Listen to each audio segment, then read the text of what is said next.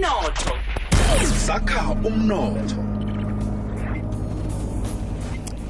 Njenganje imzuzu elithumi nemzuzu elithoba ngemva kwesimbi yesibili vele sakha umnotho sakha ikusasa ngisho nolo luthanda umzimba. Nathi naye njengoba vele sisenyangeni kasewula ngisho phezu unyanga sewukhambile manje umbuzo ukuthi nakhe sebusafuna ukonga imali akho nakhe sebusafuna ukuphuma enkolodweni uphuma komashonisa nje kusese kusesa nesikhathi na ukuthi umuntu angawonga imali nje azakhele wakhe umnotho? Ngaphambi kobani unyaka lo ka-2015 uphela. Luthando siyakulotshisa lotshani lotshani lotshani nathi nawe nelson and to the board to emhathweni kwekwezi f m siyanibingelela siyathokoza luthando. Yeah. Lu- luthando vele ngicabanga ukuthi mbuzo abantu abaningi abazibuza wona ukuthi kunesikhathi la sithi khona nje sekulada? Akusabuyeleke emva namtshana um umuntu angakwazi ukuthoma njenganje ukuthi azikhuphe emrarweni efana nayo le? Nathi abalaleli bekwekwezi f m bafanele bakwazi ukuthi akukho isikhathi ekuthiwa kulate ngaso makuzwa kwezeyimali asikho isikhathi sokuthi u-late. Ngisho mina sowuna-seventy years sowuna-eighty years angeke ube late ukuqala uku- u- u- ukubeka imali or uqala uku- ukwenza izinto ezizokusiza ukuthi uwenze imali. If sikhuluma ngalo nyaka u-twenty fifteen sithi ingabe kulate yini ukuthi ubeke imali or uzenzele imali before udecember twenty fifteen? Cha akukho late baba. As long as u-twenty fifteen engekapheli akukho late. Because imali nathi isebenza kanje. Isebenza ngokutshintsha kwakho umcabango wakho ukuthi ucabanga Mm, kanjani mm, uma ukhuluma ngemali. Mm, understand? Yeah. noma ungezahamba uyojayiva uzushone phansi ugqoke isambatho sesonto sethe ibhayibhile. Naleyo.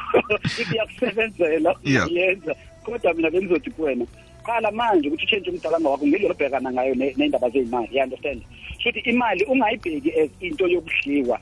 Imali nathi inkinga yethu thina sile nto sizibiza ukuthi we-money spenders asingawo labantu ababiza ukuthi ngama-money producers. So kufanele sitshentshe indlela thina esicabanga ngayo basikhuluma ngemali. Imali singayibhekeli ukuthi into yokuspendiwe in most cases bangenza ama-seminars nginokhipha i-hundred rand ngithi uma ngakufa le hundred rand mama uzenzani umuntu uzocabanga i-airtime omunye acabanga ama-ice cream umntwana omncane omunye acabanga i- i mean zonke le nto zi-nice nice. And bese ngithi akuna ne-portion yayo eyi-one ongayisebenzisa yini for ukuthi ucreate enye imali. Umsebenzi wemali nathi primarily ukucreate enye imali. And ngaleyo ndlela leyo uzokwenzani uzo-end usenzani nathi? Ungasebenzeli umlungu for ilife yakho yonke uyaunderstand understand? Uthola ukuthi kunabantu abahlakaniphile abasebenza kumabhizinisi wethu. Mara uma umbheka lo muntu uhlakaniphile. Unengqondo uzibuza ukuthi wayengasebenzisi le nhlakanipha anayo le talent anayo i-skill anayo i-experience anayo ukuzenzela yena imali yakhe. Uyayibona le nto?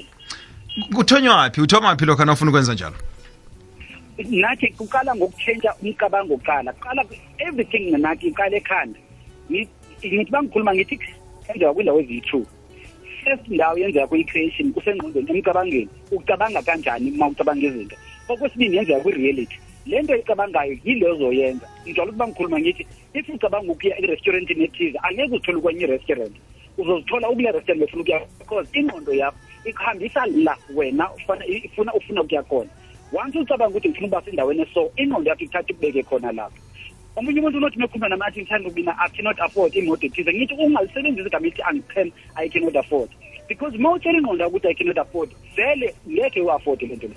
But if uthi ngingayi-afforda kanjani Mm. then kulapho khona iqala ingqondo yakho liqala inikeze ini ama-answers. Ama-answers akhona nathi kuqala kuphi? Kuqala ngotshentsha umcabango. Tshentsha indlela ocabanga ngayo. Kunabantu abaningi abakutshela ukuthi hayi mina mfethu ngazalela ukuthi ngisebenze umlungu. Ayikho leyo nto leyo nayo it's wena ndiwoziprogramme ngakhona ukuthi wena u- u- u- u- ufuna ukuba ngumuntu onjani omunye athi ngazalela ukuhlupheka ayikho leyo nto leyo.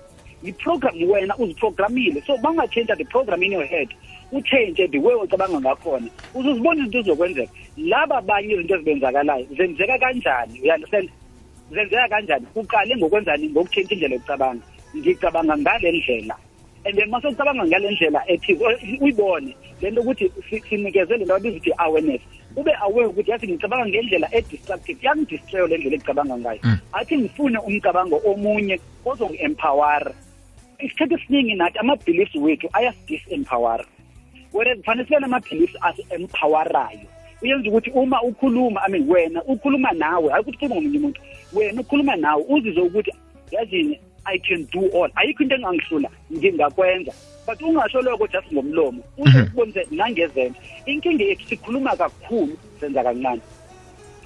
Masingayi-turn around this thing senze kakhulu sikhulume kancane. Uzobona umehluko uzoba khona. Lo 1.5 percent we-economy ekhula ngayo kwale lizwe angeke kwenzeke. Cabanga sine-unemployment rate of, of, of about 25 percent. Mm. i-economy grow ngo-1.5 35 actually. Kusenabanye abantu nathi abaso- abasazoluza imisebenzi futhi. You understand? Mm. and kule economy la abantu baluza imisebenzi khona la ama-companies avala khona. Sisenabantu abacabanga ukuthi mina ngifuna ukusebenzela umlungu alo uthando njengoba utsho ukuthi ithoma konke emkhumbulweni alo nangumuntu mhlawumbe uyafuna ukuphuma enkolodweni-ke wenzani uya kumashonisa umuntu athi khe ngiyokumatshonisa ngiboleka imali ngikwazi ukuphuma osela kumatshonisa lo vele nhle kumbuzo wakho ucinisile osela kumatshonisa lo imali yakhe nasayihlangani luthando wenza njani yena uthoma ngani yabona-ke nathi ithi- nje the moment uthi mawuthi ngifuna uphuma ey'kolotweni uthi ngiyokwenza esinye isikoloto for ukubhatala iy'koloto Mm. fanele uzazi ukuthi uzishonisa phansi some more because remember ma uboleka imali leseboleka imali ebhenki right ucharjwa interest ethize angithi Mhm. le mali uyiboleka leseyi-two hundred rand bathi busi two hundred and fifty so wena ufuna ukubhatala le two hundred and fifty usuza kumina uzoboleka mina ngiyomashonisa uzoboleka i-two hundred and fifty mina ngizokuthetha i-two hundred and fifty yami kubuye kuyi-two hundred and twenty uyabona isikoloto sakho se-two hundred rand siyakhuphuka njalo. Mhm.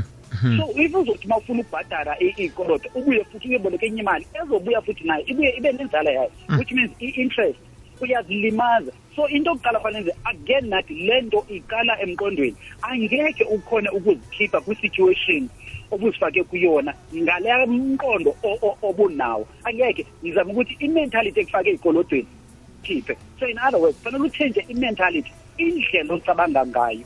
Imoto uma ingena esigodini ubuya phambili ufake ureverse ubuye emuva ubuye ubheke iplani uthi iplani elinye- elingenza ukuthi ngindlule la yeliphi. Thina abantu umuntu akafuni ini i-knowledge ngihlala ngikhuluma ngale nto nathi ye-financial intelligence.